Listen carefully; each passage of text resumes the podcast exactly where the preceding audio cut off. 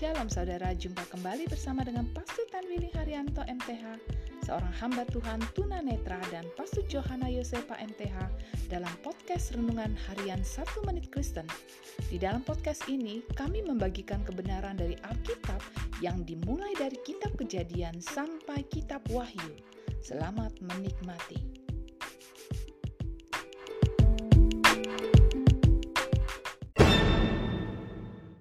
Shalom saudara berharga di mata Tuhan, senang dapat jumpa dengan saudara.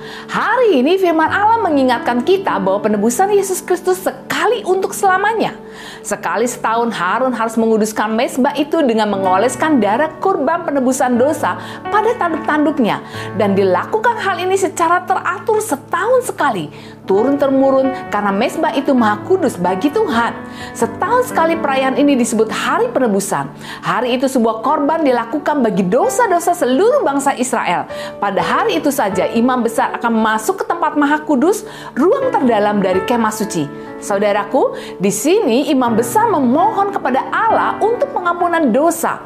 Hari penebusan merupakan sebuah peringatan bahwa harian, mingguan, dan bulanan korban bakaran dapat menutup menutupi dosa-dosa hanya sementara. Semuanya itu menunjukkan kepada Yesus Kristus yang melakukan penebusan dengan sempurna yang dapat menghapus seluruh dosa manusia untuk selama-lamanya. Untuk itu, marilah datang kepada Yesus Kristus yang mampu mengampuni dan menyucikan dosa-dosa saudara. Amin.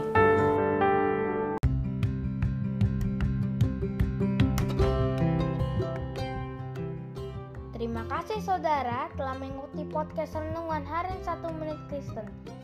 Doa kami kiranya kebenaran yang saudara terima akan membuat saudara semakin berakar di dalam Tuhan dan bertumbuh dan berbuah lebat di dalam Tuhan. Tuhan Yesus memberkati.